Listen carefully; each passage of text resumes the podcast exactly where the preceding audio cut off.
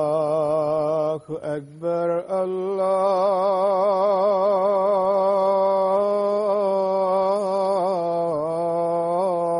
الله أكبر الله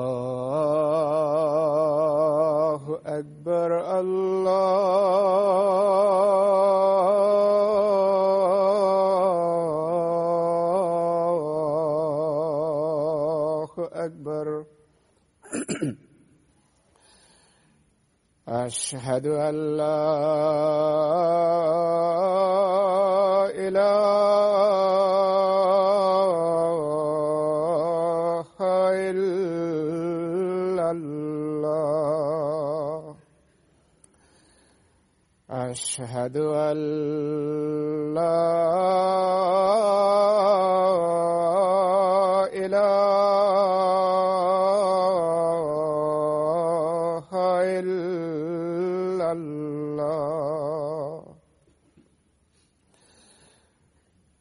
أشهد أن محمدا رسول الله.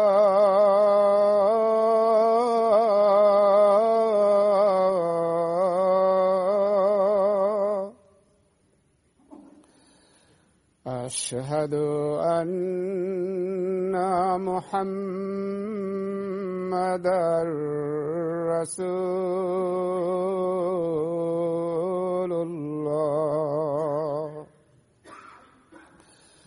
حي على السلام.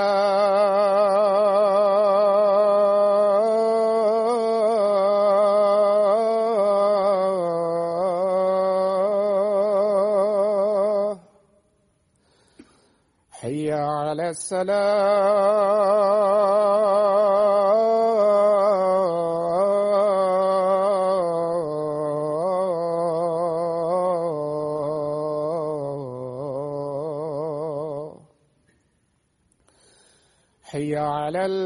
الفلاح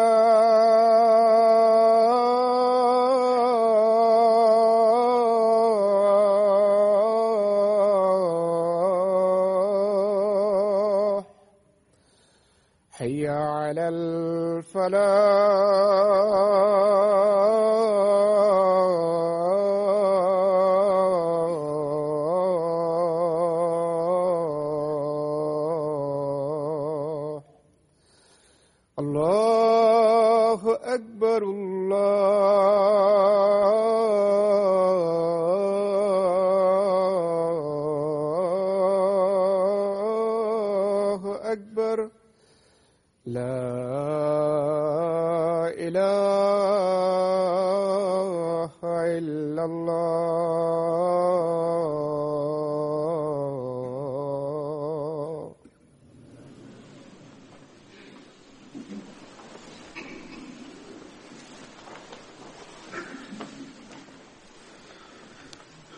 السلام عليكم ورحمة الله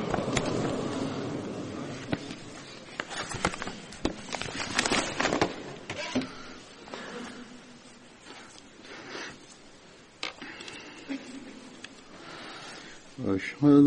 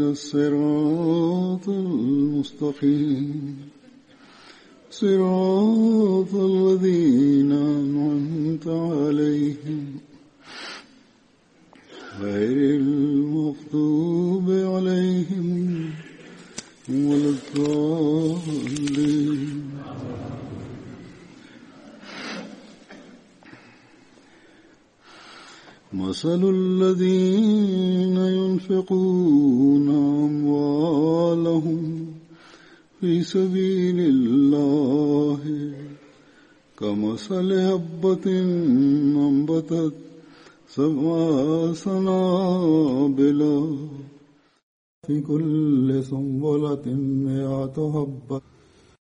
والله يضاعف لمن يشاء. والله واسع عليم.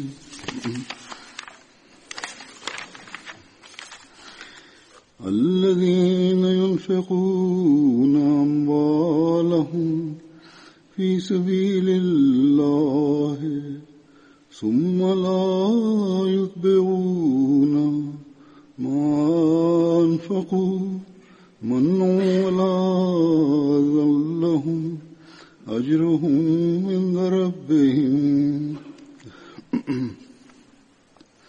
ولا خوف عليهم ولا هم يحزنون.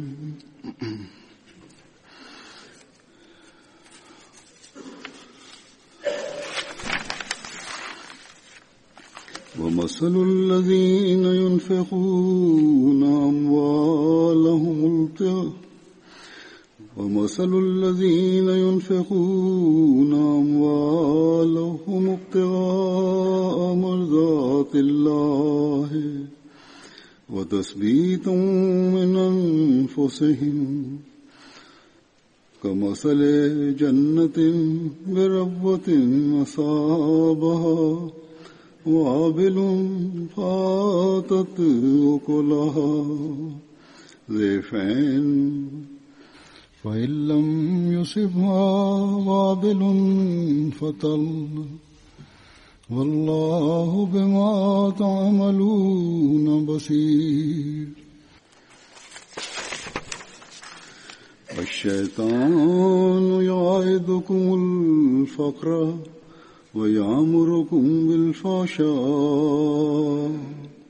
والله يعيدكم مغفرة منه وفضلا.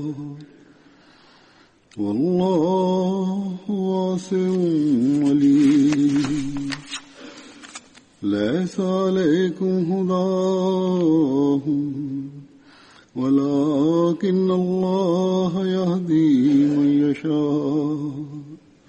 ليس عليك هداهم ولكن الله يهدي من يشاء. وما تنفقوا من خير فلأنفسكم وما تنفقون إلا ابتغاء وجه الله وما تنفقون إلا ابتغاء وجه الله وما تنفقوا من خير يوفى إليكم وما تنفقوا من خير يوفى إليكم وأنتم لا تظلمون. الذين ينفقون أموالهم بالليل والنهار سرا وعلانية فلهم أجرهم عند ربهم ولا خوف عليهم ولا هم يحزنون.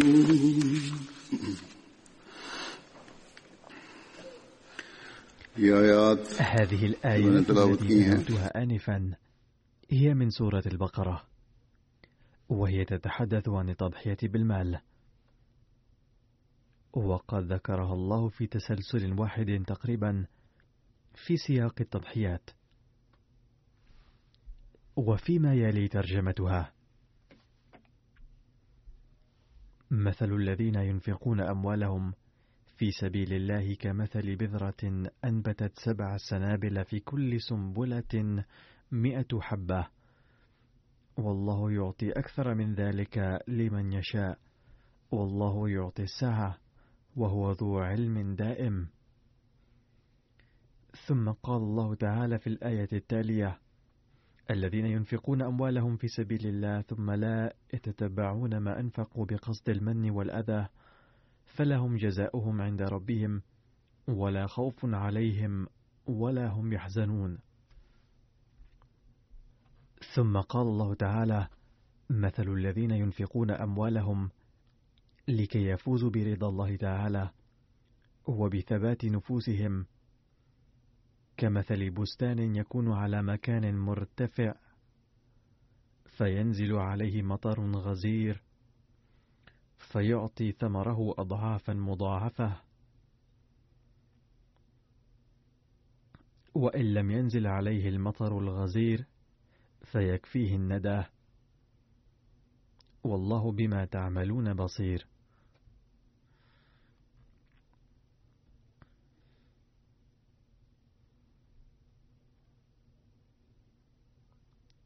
يقرأ حضرته الترجمة الأردية لهذه الآيات.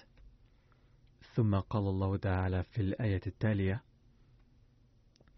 الشيطان يخوفكم من الفقر ويأمركم بالسيئة أما الله تعالى فيعدكم بالمغفرة والفضل والله يعطي الساعة وهو ذو علم دائم. ثم يقول الله تعالى هدايتهم ليس واجبك بل الله يهدي من يشاء. وما تنفقوا من مال فهو لفائدتكم أنتم. ما دمتم لا تنفقونه إلا ابتغاء وجه الله تعالى. وما تنفقوا من مال فسوف يرجع إليكم دون نقصان. ولن تظلموا شيئا. ثم قال الله تعالى الذين ينفقون بالليل والنهار سرا وجهرا فلهم جزاؤهم عند ربهم ولا خوف عليه ولا هم يحزنون. لقد قال المسيح الموعود عليه السلام في مناسبة وهو يتحدث عن التضحية المالية. أحثكم على الإنفاق في سبيل الله مرة بعد أخرى لأنه حكم الله تعالى. إن الإسلام فريسة للأديان الأخرى المعادية. يريدون أن يمحوا أي أثر للإسلام. أفليس حريا بنا والحال هذه أن نتحرك لرقي الإسلام؟ إنما أقام الله تعالى هذه الجماعة لهذا الهدف نفسه. فالسعي لرقي الإسلام هو العمل بحسب حكم الله تعالى ومشيئته. ثم يقول عليه السلام والله نفسه قد وعد بأن من ينفق في سبيلي فسوف يضاعف له أضعافا. سينال الكثير في الدنيا نفسها. أما بعد الموت فسيرى في جزاء الآخرة. كم هو في راحة وسعادة؟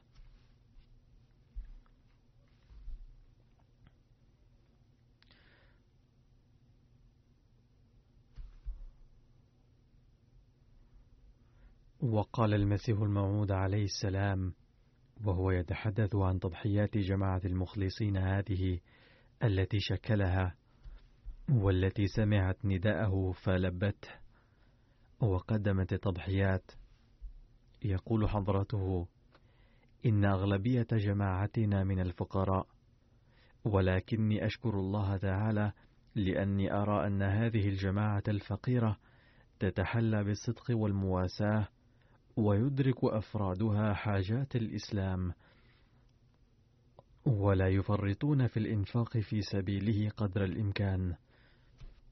وأبناء هذه الجماعة التي أسسها المسيح الموعود عليه السلام لم يزدهم الله تضحية وإخلاصا ووفاء في حياته عليه السلام فحسب بل كان ولم يزل الله تعالى يهب لهذه الجماعة التي أقامها. قبل حوالي 130 عاما حسب وعده. مخلصين مضحين يضحون في سبيل الدين قدر وسعهم بل أكثر أحيانا. ويصلون إلى المعايير المذكورة في القرآن وينالون حظا من الوعود التي ذكره الله فيه. وبفضل الله تعالى لا توجد هذه المعايير اليوم إلا في هذه الجماعة. التي أقامها الله تعالى على يد المسيح الموعود عليه الصلاة والسلام. وسوف أقدم لكم الآن أمثلة على ذلك من هذا العصر. وهذه الواقعات هي لأناس يوجدون في مختلف بلاد العالم حيث يوفون بعهدهم بأنهم سيظلون مستعدين كل حين وآن لتقديم أموالهم في هذا السبيل مؤثرين الدين على الدنيا.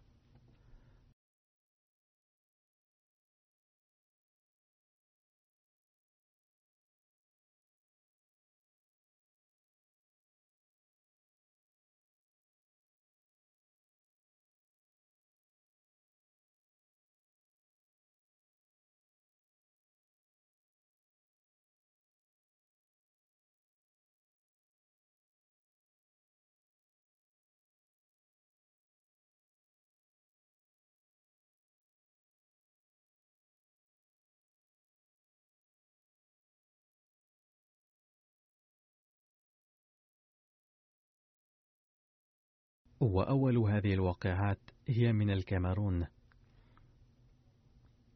يقول معلم لنا هناك ذهبنا إلى جماعتنا في قرية مارتا الواقعة في المنطقة الغربية لجمع تبرعات صندوق التحريك الجديد. فقام عمدة القرية السيد سهام عثمان بجمع الناس جميعا وقال لهم إن معلم الجماعة قد جاء لجمع تبرعات التحريك الجديد. فساهموا في ذلك كلكم لأنه قبل سنتين من اليوم كنت أصلي في هذا المسجد وحدي أو مع شخص أو شخصين أو ثلاثة. ولكن منذ أن قامت الجماعة في قريتنا وانضممنا إليها بدأ مسجدنا يمتلئ بالمصلين حتى يضطر بعضهم إلى الصلاة خارج المسجد أحيانا. إذ لا يسعهم كلهم. وإن هذا التغيير المميز لم يحصل إلا ببركة مجيء الجماعة الإسلامية الأحمدية هنا. لذا فعلينا المساهمة في كل دعوة إنفاق بكل ما عندنا من وسع. إن هذا الانقلاب الذي يحصل في هؤلاء القوم ببركة الأحمدية حيث يزدادون عبادة وتضحية بالمال لانقلاب عجيب. وإنه تنبيه لكل أولئك الأحمديين القدامى الذين اهتمامهم بالعبادات ضعيف واهتمامهم بالتضحيات المالية رغم السعة ضعيف كذلك.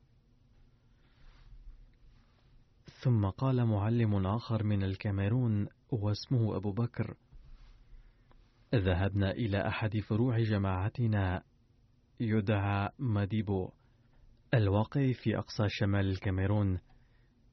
لنحث الإخوة على التبرع في صندوق التحريك الجديد. وزرنا كل بيت للمبايعين الجدد نحثهم على التبرع. فقال أحمدي اسمه عثمان لما جئتموني في المرة الماضية من أجل التبرع كنت نويت دفع عشرة آلاف فرانك سيفا بالإضافة إلى حبوب الذرة. وبعد أيام من ذلك قال لي ابني أنه ذاهب للاختبار لوظيفة في مصلحة الضرائب ولكنه بحاجة إلى مبلغ كبير لذلك علما أن الناس هناك أيضا يضطرون إلى دفع بعض المال للمسؤولين مقابل الوظيفة كما هي الحال في بعض بلاد العالم الثالث. فقلت لابني إني إنسان فقير ولا أستطيع تدبير هذا المبلغ الكبير. ليس عندي إلا عشرة آلاف فرنك سيفا.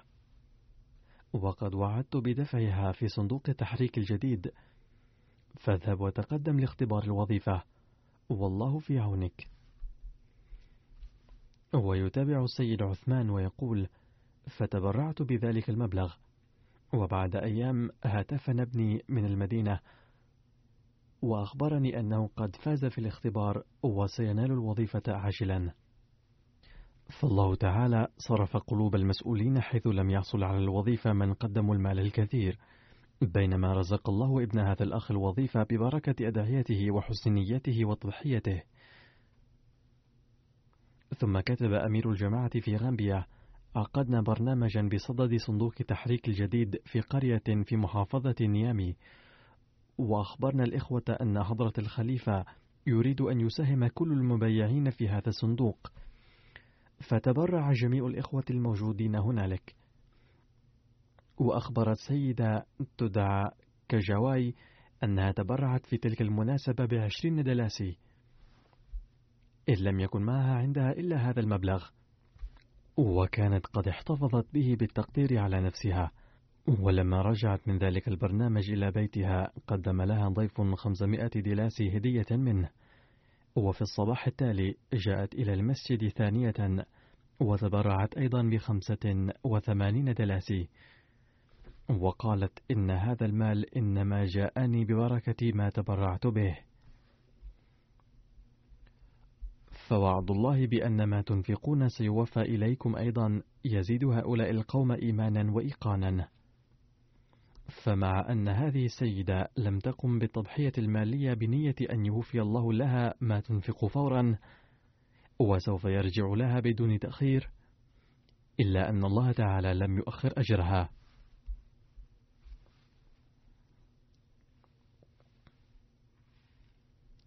ثم كتب داعيتنا من منطقة بوغو في بنين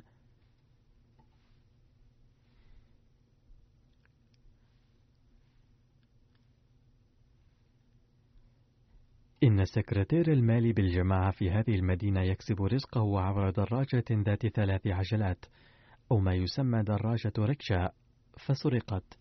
والمعروف في أفريقيا أن ما يسرق يستحيل العثور عليه ثانية.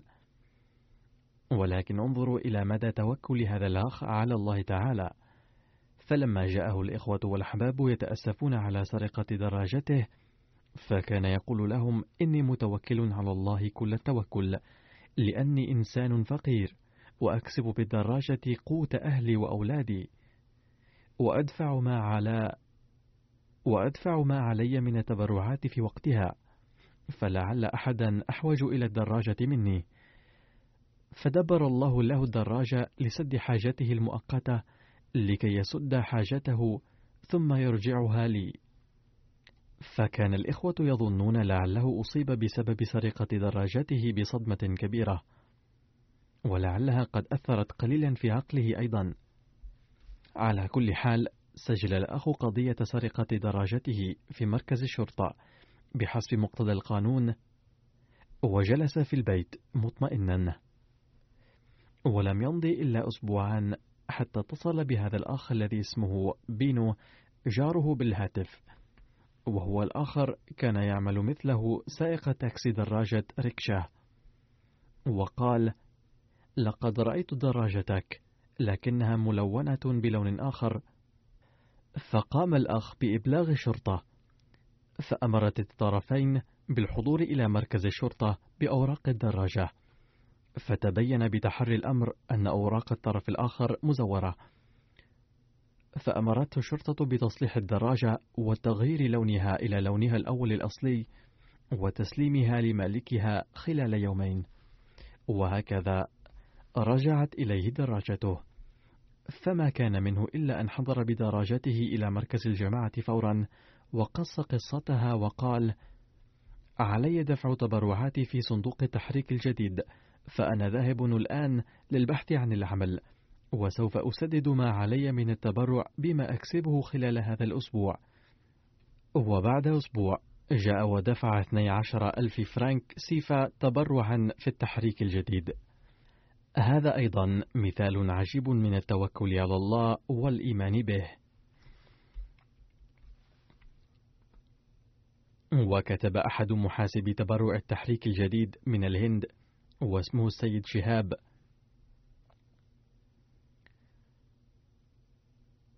بعثت فتاة اسمها صوفيا بيغم من جماعتنا في جنتا غنتا برسالة مع أخيها بأنها لما كانت صغيرة كانت تذهب مع أمها إلى اجتماعات الجماعة وتسمع فيها من خطب العلماء الكرام أن حضرة المصلح الموعود رضي الله عنه لما أسس مشروع التحريك الجديد وطالب بالتضحية المالية قدمت كثير من سيدات الجماعة إلى حضرته حليهن.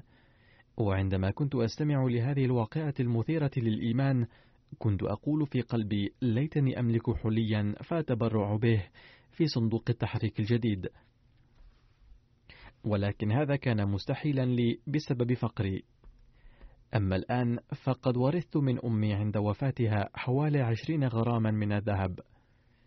وأريد التبرع به لأني لا أدري هل سيبقى عندي هذا الحلي بعد ذلك أم لا.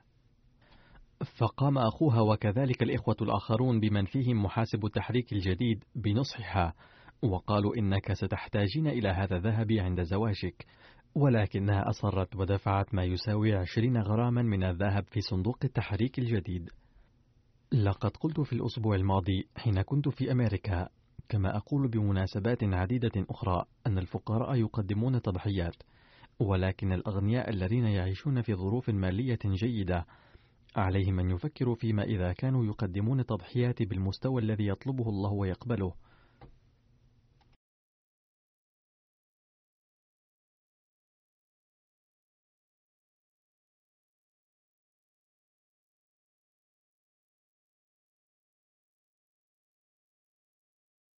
يقول أحد المحاسبين في صندوق التحريك الجديد في إقليم كرناتك بالهند أنه كان على أحد الإخوة أن يدفع في صندوق التحريك الجديد مبلغا قدره 2500 روبية.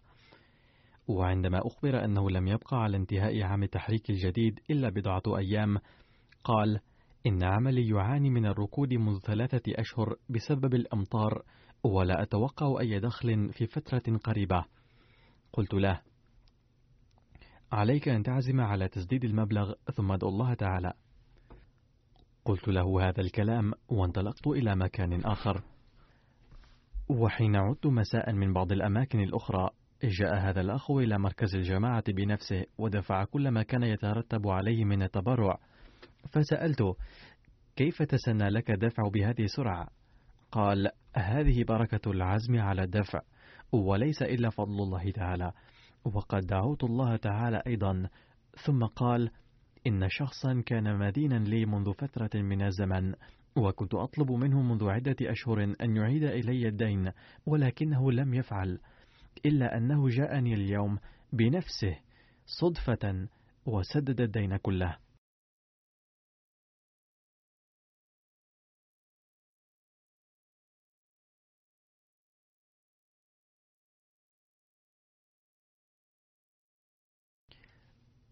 ويقول داعيتنا المحلي السيد موسى في تنزانيا هناك أخ مخلص جدا في فرع الجماعة في دار السلام وهو يخدم أيضا في مكتب الجماعة ويسعى جاهدا كل عام أن يدفع ما عليه من تبرعاته وتبرعات عائلته في صندوق التحريك الجديد والوقف الجديد قبل نهاية شهر رمضان. ولكنه لم يستطع دفعها هذا العام بسبب ظروفه العائلية وكان قلقا جدا بسبب ذلك. فدعا الله تعالى أن يجعل له مخرجا ثم قال أنه يتلقى هدية من الجماعة كل عام بمناسبة العيد كما يتلقاها العاملون الآخرون في الجماعة.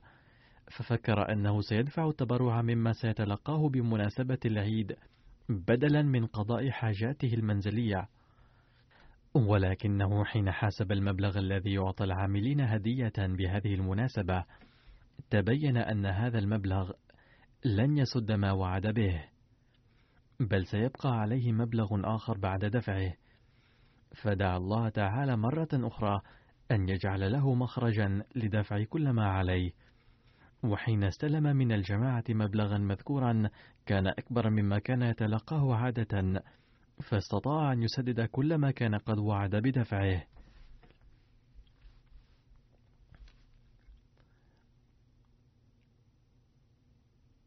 يقول السيد رضوي داعية الجماعة في موسكو السيد آدم مبايع جديد وهو من منطقة بورياتيا وهي منطقة نائية وفقيرة في روسيا. وفقه الله تعالى للانضمام إلى الجماعة الإسلامية الأحمدية في عام 2017 جاء هذا الأخ إلى موسكو لأسبوع واحد في شهر مارس هذا العام ليلقى الإخوة الأحمديين ويستفيد منهم من الناحية العلمية والتربوية. كان الأخ من عائلة فقيرة وكان يمر أحيانا بظروف صعبة وقاسية جدا. وذات يوم وفي أثناء إقامته في موسكو حدث أنه أخبر بعد صلاة العشاء في أثناء الحديث المفصل عن النظام المالي للجماعة وبركاته. وطلب منه أن يتبرع ولو قليلا. وكان ظن نظرا إلى ضيق ذات يده أنه لو دفع خمسين روبلا لكانت تضحية كبيرة بالنسبة له. ولكنه دفع في اليوم التالي بعد صلاة الفجر ألفي روبل في صندوق التحريك الجديد والوقف الجديد. وقال أرجو أن تقبلوا مني هذا المبلغ البسيط وظل يبدي أسفه بالتكرار أنه لماذا لم يدفع التبرع من قبل بل تأخر كثيرا وقد مضى على انضمامه إلى الجماعة أكثر من عام. يقول داعيتنا هذه كانت تضحية كبيرة نظرا إلى ظروفه المالية. أقول هذه هي معايير تضحيتي وهؤلاء هم الذين يقول المسيح الموعود عليه السلام عنهم إن المرء لا يستغرب حقا نظرا إلى إخلاصهم وولائهم. ويقول داعيتنا في موسكو هناك شخص من أفراد الجماعة في موسكو وقد عمل في دوائر مختلفة فيها إلى فترة طويلة. والمكان الذي يعمل فيه الآن يقول عنه أن أصحاب العمل أخبروه عند المقابلة أن الراتب في شركتنا لا يرفع. وعليك أن تصبر دائما على الراتب الذي سنعطيك إياه. وإذا رأيته مناسبا فيمكنك أن تعمل وإلا فلا. يقول هذا الأخ لقد أخذت هذه الوظيفة وبدأت العمل. وبعد فترة من الزمن أخبرت عن صندوق التحريك الجديد والوقف الجديد وبدأت بدفع التبرع فيهما بالتزام. بعد بضعة أيام من ذلك دعتني إدارة الشركة وأضافوا إلى راتبي دون أي سبب ظاهري خمسة آلاف روبل أخرى إلى خمسة آلاف روبل كنت أتقاضاها من قبل. ثم دعوني بعد بضعة أيام أخرى وأضافوا إلى راتبي ألفي روبل أخرى. يقول الراوي فتيقنت أن هذه نتيجة تقديم التضحية المالية في سبيل الله فقط وإلا لم يكن هناك سبب دنيوي لهاتين الإضافتين إلى راتبي. ثم قال كلما أحاول أن أخبر بذلك شخصا غير أحمدي لا يستوعب هذا الأمر ولكن المؤمن بالإمام المهدي عليه السلام يفهم جيدا أن الله تعالى قدر لي هذه البركة دون أي سبب ظاهري بسبب تقديم التضحية في سبيله.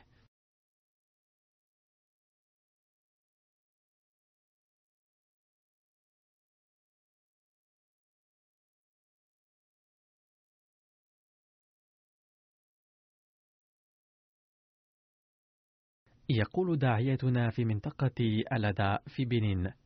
في هذه المنطقة هناك فرع للجماعة في قرية فانجي وقد أنشأ هناك مسجد أيضا بفضل الله تعالى. إن رئيس هذه الجماعة يعمل حدادا وقد أخبر عن روح الاستباق للتبرع في صندوق التحريك الجديد فوعد بدفع مبلغ آخر إضافة على ما كان قد وعد به من قبل. وقال أيضا أنه يعاني من ضيق ذات اليد بسبب ندرة العمل ولكنه اتصل بعد هنيها وقال أنه يريد أن يدفع عشرة آلاف فرنك سيفا. لذا أرجوكم أن تقطعوا لي إيصالا بهذا المبلغ. وأضاف قائلا لقد أنعم الله علي بعمل بعد هذا الوعد وها أنا قادم لدفع تبرع قدره عشرة ألاف. وبعد أسبوعين تقريبا من دفع هذا المبلغ اتصل رئيس الجماعة نفسه مرة أخرى وقال: لقد أنعم الله تعالى علي بعمل كثير آخر بحيث لا أدري هل سأتمكن من إكماله في الموعد المحدد أم لا، إذ قد وجدت صفقة كبيرة، وهذا كله بفضل تقديم التضحية المالية في سبيل الله تعالى. إذا قد أعطاه الله تعالى أضعافا مضاعفة بحسب وعده وأعطاه فورا أيضا. يقول داعيتنا في مالي ذات يوم أرسلت سيدة عمياء من منطقة سيغو تبرعا وبعثت معه رسالة جاء فيها أنها سترسل في المستقبل تبرعها إلى مركز الجماعة كل شهر بانتظام. أقول هناك أناس يوجههم الله بنفسه إلى دفع التبرعات والتضحيات لينعم عليهم أكثر. وحين سئلت عن السبب وراء ذلك قالت رأيت في المنام قبل يومين أنني نائمة وأيقظني المسيح الموعود عليه السلام ونصحني بدفع التبرع. فذهبت إلى مركز الجماعة في المنام ودفعت خمسة آلاف فرنك سيفا ثم استيقظت. يقول السيد مبارك منير داعية الجماعة في بوركينا فاسو هناك أخ مخلص في فرع الجماعة بيغو وله ولدان وكلاهما كان مريضا منذ فترة ولم يتماثل للشفاء بأي علاج. وذات يوم أطلعه داعيتنا المحلي على التضحية المالية. فدفع تبرعا بقدر استطاعته. ودعا الله تعالى قائلا يا ربي تقبل تضحيتي واشف أولادي. يقول الراوي أن الأولاد بدأ يتماثلان للشفاء بعد بضعة أيام فقط. بفضل الله تعالى. حتى شفي أحدهما تماما وتحسن الثاني أيضا إلى حد كبير. وهذا الأخ موقن بأن الله تعالى قبل تضحيته وأكرمه بهذه البركة. يقول سكرتير الوصية في مدينة بوبو جلاسو في بوركينا فاسو كنت أدفع تبرع الوصية كل شهر بانتظام ولكن كنت أتأخر أحيانا في دفع تبرعات التحريك الجديد والوقف الجديد. وذات مرة خطر ببالي بعد سماع خطبتكم أن أدفع التبرع كله قبل نهاية السنة. وبعد الدفع رأيت في المنام أن شخصا لابسا لباسا أبيض أعطاني مفتاحا. لم أفهم معنى المنام حين ذاك ولكن تلقيت بعد ذلك رسالة من أخي يقول لي عليك أن تستعد لأداء الحج وأنا سأدفع النفقات كلها. أقول هكذا وفقه الله لأداء الحج نتيجة تقديمه التضحية المالية. يقول سكرتير صندوق التحريك الجديد في ألمانيا لقد أضاف أحد الإخوة من جماعة كولون 900 يورو في تبرعه للتحريك الجديد والوقف الجديد. يقول هذا الأخ بعد الإضافة إلى التبرع بيوم واحد ذهبت إلى الشركة التي كنت أعمل فيها وأخبرني صاحبها أنه أضاف إلى راتبي 100 يورو. ثم حسب هذه الإضافة من شهر فبراير إلى أكتوبر فكان 900 يورو. يقول هذا الأخ كنت متأكدا أن الله تعالى سيدبر لي مبلغا وعدت بدفعه ولكن لم أتوقع أنه لم يدع حتى 24 ساعة لتمضي إلا وسيدبره. يقول سكرتير التحريك الجديد نفسه في ألمانيا. كان أحد الإخوة يواجه مشاكل في طلبه اللجوء فوجه إلى تضحية المالية وإلى تبرع التحريك الجديد. ثم لقيني ذلك الأخ بعد بضعة أيام وقال لي كنت قد نصحتني بدفع التبرع في صندوق التحريك الجديد ووعدت بدفع مئة يورو. وحينها كان عندي عشرون يورو فقط فدفعتها فورا. وعدت إلى البيت فجاءني هاتف من مكان عملي السابق أنه قد دخلت في حسابك بعض النقود فتعال وخذها. ظننت أنها ستكون 300 أو 400 يورو. ولكن المبلغ الذي تلقيته وضعته في جيبي من دون عده. ودفعت أولا البقية البالغة 80 يورو. ثم أنفقت منه على بعض الحاجات ومع ذلك بقي بعض المبلغ. ثم قمت بحساب فعلمت أنني كنت تلقيت ألف يورو. كنت وعدت بدفع مئة يورو فأعطاني الله تعالى مقابلها عشرة أضعاف. قبل ذلك كنت أسمع مثل هذه الأحداث وكنت أفكر أحقا يعامل الله تعالى عباده بمثل هذه المعاملة ولكن الآن قد جربت بنفسي. كتب الداعية في ساحل العاج إننا ذهبنا إلى فرع جديد للجماعة من أجل تبرع التحريك الجديد كان فيه المبايعون الجدد الذين بايعوا ودخلوا الجماعة قبل سنة. فألقيت كلمة حول أهمية التحريك الجديد وعن أهدافه وأخبرناهم أيضا أن خليفة المسيح يريد أن يسهم جميع أفراد الجماعة في هذا الصندوق. وفي اليوم التالي بعد صلاة الفجر بدأ كل واحد يدفع التبرع بحسب قدرته. وأسهم إمام المسجد أيضا في عمل الخير هذا ودفع التبرع عن عائلته أيضا. ثم جاء ولده البالغ ست سنوات بمئة فرانك استيفاء. أخذها من والده وقال هذا تبرع مني.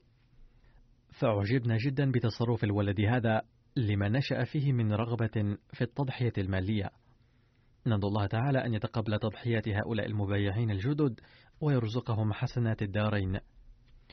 قال المسيح الموعود عليه السلام في أحد المواضيع إن شيخا دعا الناس في المسجد إلى تضحية المالية وكانت زوجة الشيخ جالسة بين الحضور فتأثرت جدا بخطابه وحين عادت إلى البيت خلعت حليها لتدفع للمسجد. فقال لها الشيخ هذه الدعوة كانت للناس فقط وليست لك لا تضحي أنت. ولكن في جماعة المسيح الموعود عليه السلام يشترك الشيخ نفسه في التضحية المالية وأولاده أيضا بكل حماس وشوق. ثم هناك مثال آخر من إندونيسيا. كتبت امرأة من هناك تدعى السيدة صوفيا. كنت بايعت ودخلت الجماعة من المسيحية. في 2014 وبعد المبايعة بدأت أسرتي المسيحية تعارضني. وواجهت السب والشتم والإهانة. وكان أهلي يرون أنني لم أعد جزءا منهم. ولكنني وجدت من الجماعة حبا ووئاما كبيرين وتزوجت من أحمدي. وبعد فترة تعرضت سيارة زوجي لحادث سير انكسرت ساقه اليسرى وقدمه اليسرى. كنت حينها حاملا في الشهر الرابع وفي هذه الأثناء بدأت السنة الجديدة للتحريك الجديد. فسألت زوجي فقال بكل ثقة قولي للمسؤولين أن يسجلوا وعدا بخمسمائة ألف روبية أندونيسية لأنني سأجد عملا في السنة القادمة. لا شك أن سعر الروبية الإندونيسية منخفض جدا ولكنها ذات قيمة كبيرة للسكان المحليين. قالت السيدة استغربت جدا قوله لأنه لا يقدر على المشي من دون سند فكيف سيجد عملا؟ ولكن سجلت الوعد بحسب ما قال مضى الوقت بسرعة ولم نشعر وكانت السنة في نهايتها. فقلقت جدا لأن زوجي لا زال عاطلا. فكيف سندفع التبرع؟ فدعوت في حالة القلق هذه. فأرى الله تعالى قدرته ووجد زوجي وظيفة جيدة في شركة خاصة. ودفعنا التبرع كاملا بحسب الوعد. قالت امرأة أخرى من إندونيسيا نفسها وهي سيدة واردي. كانت أسرتي تواجه مشكلة في رمضان الماضي. أصيب أبو زوجي ودخل المستشفى وعولج هناك شهرا. وفي هذه الأثناء ساءت حالته إلى درجة أنه دخل العناية المشددة وكان أمل بقائه ضئيلا جدا. قالت تذكرنا آنذاك خطة الخليفة عن التحريك الجديد فقرر الجميع في العائلة دفع التبرع في صندوق التحريك الجديد كاملا. وقد دفعوا فعلا وكتبوا إلي أيضا من أجل الدعاء. قالت بدأت بفضل الله تعالى حالة حمي تتحسن باستمرار وبعد بضعة أيام سمح له الطبيب بالعودة إلى البيت.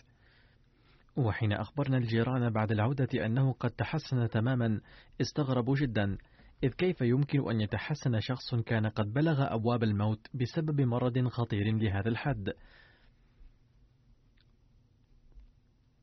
كتب رئيس جماعة برمنغهام سنترال في بريطانيا.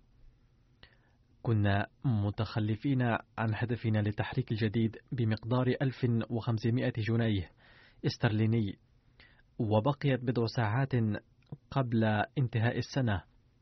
فطلبنا من بعض الأشخاص التبرع لتحقيق الهدف فقال شخص كان قد دفع 2400 جنيه من قبل أنه سيدفع ألفا أنه سيدفع 1500 جنيه.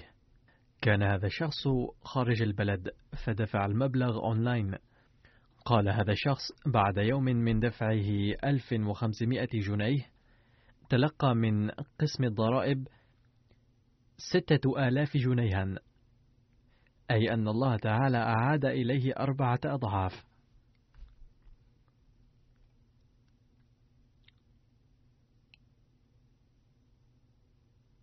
كيف يضحي الفقراء وكيف يعاملهم الله تعالى. كتب عن ذلك الداعية المحلي من جماعة بروندي زرنا في السنة الجديدة فرعا جديدا للجماعة في كانكا وأخبرنا هناك مبايعا جديدا اسمه السيد مزعودي ودعوناه ليدفع التبرع. فقال السيد مزعودي لا أملك شيئا حاليا إلا أن في بيتي شجرة مثمرة سأبيع ثمر هذه الشجرة وأدفع منه التبرع. التضحيات التي كانت في الزمن الماضي نجد نماذجها في هذا العصر أيضا. فباع ثمر شجرة خلال يومين بألف بروندي فرانك وتبرع بالمبلغ كله. وأخبر فيما بعد أن ببركة تبرعه نزلت بركة في ثمر هذه الشجرة والآن أثمر أضعافا. وقد بعت ثمره بخمسة وأربعين ألف بروندي فرانك. كتب الداعية المحلي في كونغو برازافيل كان ابن السيد معاولي وهو أحد الأحمديين مريضا منذ فترة وحين ذهبنا إليه من أجل التبرع دفع فورا ومع ذلك دعا الله تعالى ليشفي ابنه ببركة هذا التبرع. قال بعد بضعة أيام عادت صحة ولدي المعهودة مما استغربت كيف أن الله تعالى كيف أن الله تعالى قد استجاب الدعاء وتقبل تضحياتنا المتواضعة؟ كتبت سكرتيرة التحريك الجديد في لجنة إماء الله بكندا أخبرت إحدى الأخوات أن زوجها كان قد وعد بألف دولار في صندوق التحريك الجديد ولكنه لم يستطع دفعها بسبب مرضه الطويل وبقي أسبوع واحد فقط. قبل انتهاء السنة. فجاء سكرتير المال لأخذ التبرع منه. فدخل زوج على الزوجة وقال لها لا أملك شيئا فماذا نفعل الآن؟ فقالت لا يمكن أن نرد السكرتير صفر اليدين. وكانت قد وفرت بعض المبلغ فأدت منه التبرع. قالت ببركة التبرع وجد زوجها وظيفة براتب سبعة آلاف دولارا شهريا. كتب الداعية في ساحل العاج هناك طفل في جماعة سان بيدرو عمره 14 عاما. قال والده إنني طلبت منه عملا في البيت يوم الأحد. فقال الطفل إنني أجمع التبرع في تنظيم أطفال الأحمدية بصفة ناظم المال. ولكن أنا نفسي لم أدفع تبرعي ولأنني أذهب إلى المدرسة في الأيام الأخرى. فاليوم أريد أن أعمل في حقل أحد الناس أو أعمل شيئا آخر لكي أتمكن من دفع التبرع. فقال الوالد أنا أدفع عنك التبرع. فقال الولد قال الداعية ينبغي أن يدفع الأطفال من مصروف جيبهم. ولأنني في هذه المرة لم أستطع أن أدفع من مصروف جيبي. لذا أريد أن أعمل لكي أدفع التبرع مما أجني. فعمل ودفع التبرع مما كسب. هذا هو التفكير الذي أنشأه الله تعالى في الأطفال القاتلين في مناطق نائية وهم مبايعون جدد. قال سكرتير التحريك الجديد في ألمانيا أخبرتنا إحدى النساء في جماعة كيل أن أمها كانت من جماعة كيلسيان باتيان في باكستان. وكانت أستاذة في مدرسة وكانت تقوم بالتضحية المالية بكثرة. كثيرا ما رأينا وكثيرا ما رأينا أنه حين جاء العيد كان الأولاد يأخذون ملابس جديدة ولكن والدتي كانت تسعى لتدفع مئة في المئة من تبرعها للتحريك الجديد في شهر رمضان لكي يسجل اسمها في القائمة التي ترفع إلى الخليفة للدعاء. وفي كثير من الأحيان كانت تستدين لدفع التبرع وتسد الدين فيما بعد. وحين تمت الدعوة للتبرع من أجل بناء مسجد البشارة في إسبانيا قدمت قرطي أذنيها وهي الحلي الوحيدة التي كانت تملكها.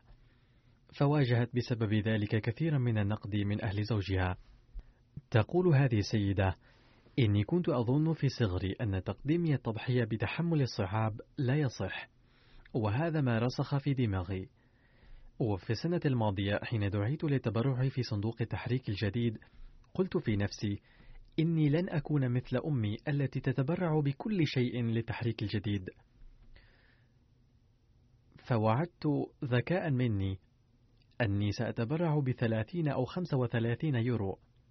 ثم شاءت الأقدار وظهر على رقبتي ورمان وخفت كثيرا. إذ قال لي الطبيب أنه لابد من العملية الجراحية. وفي هذه الحال لم تكن تعجبني مجوهراتي ولا أقمشتي. ذات يوم سمعت خطبة ذكر فيها الخليفة تضحيات السيدات بالمال. فخطر ببالي أن أتبرع بكل ما أملك من المجوهرات ثم قدرت ثمنها وتبرعت بذلك المبلغ في التحريك الجديد. ثم حين راجعت طبيب من جديد قال إن هذين الورمين أعديم الضرر فلا داعي للخوف منهما. وهكذا قد خلصني الله من الخوف والقلق وأدركت أن الله كان قد أعقبني على موقفي الناتج عن التكبر. فالآن لا تنشأ في قلبي هذه الظنون السيئة كان زوجي لا تقبل منه تبرعات لعمله في فندق معين. فدعوت الله أنه إذا هيأ له عملا أفضل فسوف أدفع 500 يورو في التحريك الجديد. فمكن الله زوجي بشكل معجز من العثور على عمل أفضل. والآن يتبرع الزوج والزوجة كلاهما. تقول سكرتيرة التحريك الجديد في لجنة إماء الله بلاهور كانت إحدى الأخوات في حارة وابا تاون. تعاني مشكلة في التنفس منذ سنة ونصف. وحين زارنا المندوب من المركز أضافت إلى وعدها لتحريك الجديد خمسين ألف روبية. وببركة ذلك من الله عليها بالشفاء من المرض الذي كان يعودها رغم العلاج. وتغير وضعها فجأة تماما والآن تتمتع بالصحة الجيدة. يقول أمير الجماعة في غامبيا كان أحد الإخوة من قرية جاراستكي يتبرع في التحريك الجديد بانتظام وقبل فترة تفشى في قريته مرض يصيب الحيوانات فبدأت تموت وجميع السكان تقريبا خسروا مواشئهم بينما لم يمت أي حيوان لهذا الأخ واسمه سامية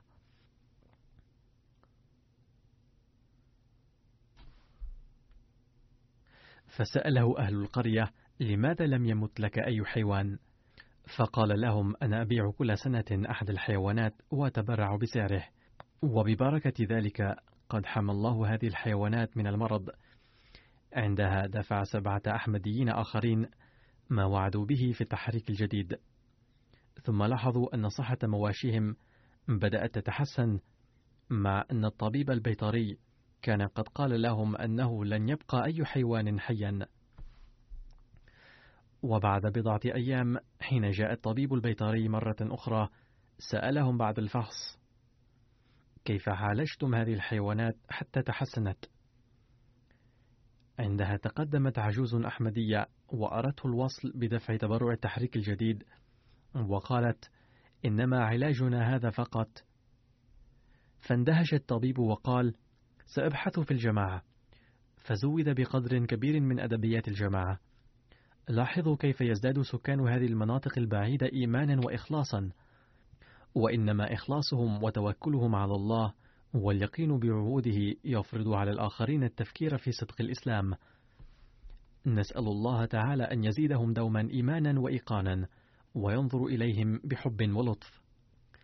بعد سرد هذه الأحداث لنزول أفضال الله تعالى أقدم لكم بعض الإحصائيات عن تبرعات التحريك الجديد في السنة الماضية.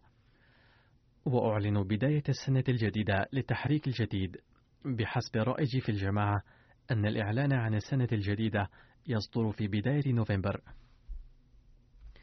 فمن أول نوفمبر قد بدأت السنة الخمسة والثمانين للتحريك الجديد وبحسب التقرير المرفوع إليه قد وفق الله أبناء الجماعة المخلصين للتبرع في السنة الماضية أي السنة الأربعة والثمانين للتحريك الجديد بأكثر من 12.79 مليونا من الجنيهات الإسترلينية وهذا فضل من الله. وهذا أكثر من السنة الماضية ب 212 ألف جنيه إسترليني. وهذا توفيق من الله رغم الأوضاع الغير الملائمة ورغم هبوط سعر العملة المحلية في كثير من البلدان.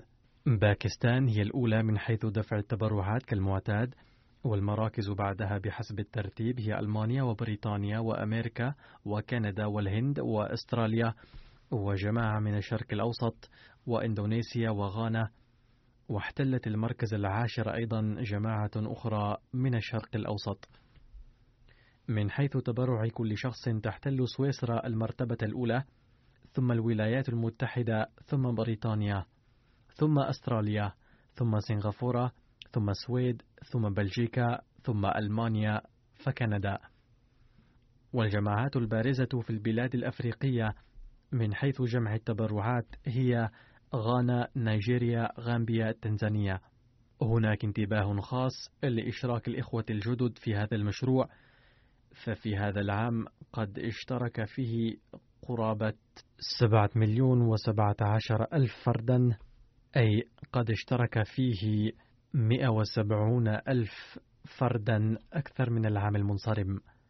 والإضافة الملحوظة في هذا العدد كانت في البلاد الأفريقية التالية نيجيريا، غامبيا وبنين، بوركينا فاسو، النيجر، الكاميرون، كونغو، كنشاسا، ليبيريا، موريشيوس، ساحل العاج، وهذا الترتيب في الجماعات الكبيرة هو كما يلي: إندونيسيا، ألمانيا، الهند، باكستان، كندا، أمريكا، النرويج وماليزيا.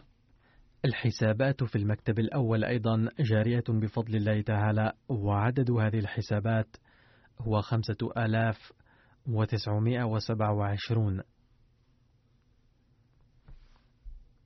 وترتيب المحافظات الثلاث في باكستان التي قدمت التضحية المالية أكبر من غيرها بحسب التقرير الوارد إلينا هي ربوة ثم لاهور ثم كراشي. علما أن ربوة ليست محافظة في الأصل بل هي مدينة ولكنها تعد ضمن قائمة المحافظات.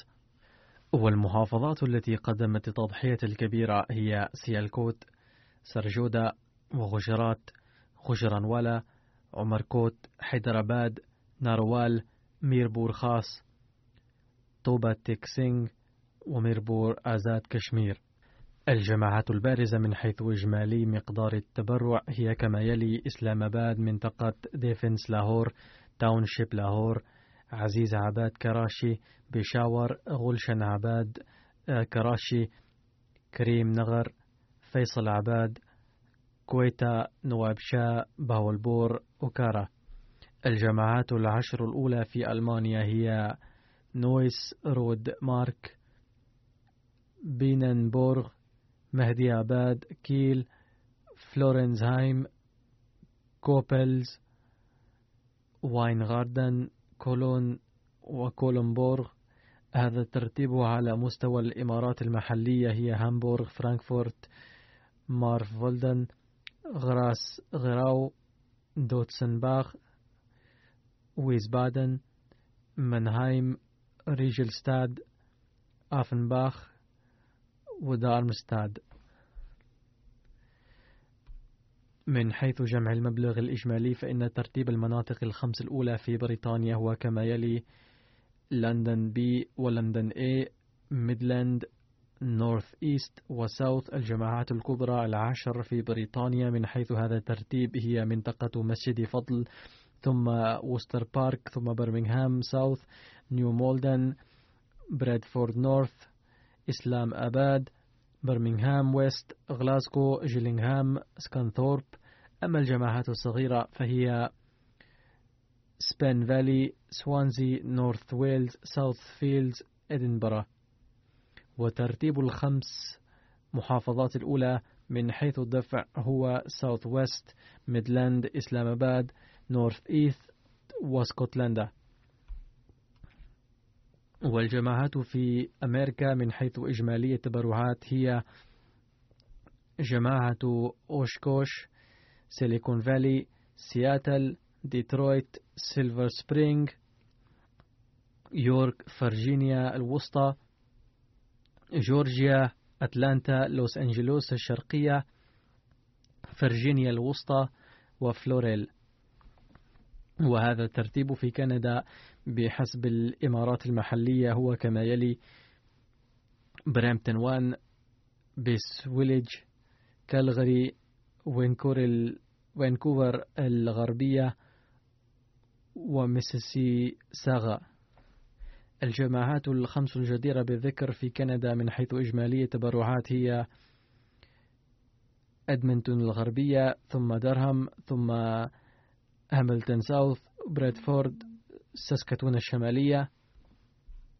عشر جماعات في الهند من حيث تقديم التضحية هي قاديان البنجاب حيدراباد تلنغانا بيريم كيريلا شناي تاميل نادو كاليكت بنغالور كرناتك كالكوتا بنغال بنغاري كيريلا نور تاون كيريلا يادغير كرناتك وترتيب الأقاليم الهندية من حيث تضحية هو كيريلا ثم كرناتك تامل نادو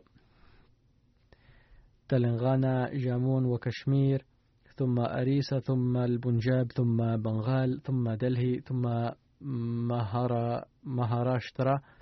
الجماعات العشر في أستراليا من حيث جمع التبرعات. هي كاسل هيل ملبورن بروك إيس تي كامبرا بارث ملبورن لانغ وارن مازدن بارك أدليد الجنوبية بريسبن لوغان وبريسبن بغمنتان والترتيب من حيث تبرع كل شخص هو تسمانيا أستي. كامبرا كاسل هيل داروين مازدن بارك ملبورن مدينة سيدني بارث كيمبل تاون وبراماتا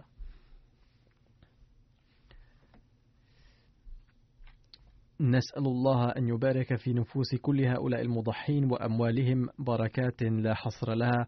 من الملاحظ أنه بعد عودتي من سفر يتوقع الأحمديون أن أتناول أحداث السفر فسوف أتناولها في الخطبة القادمة إن شاء الله.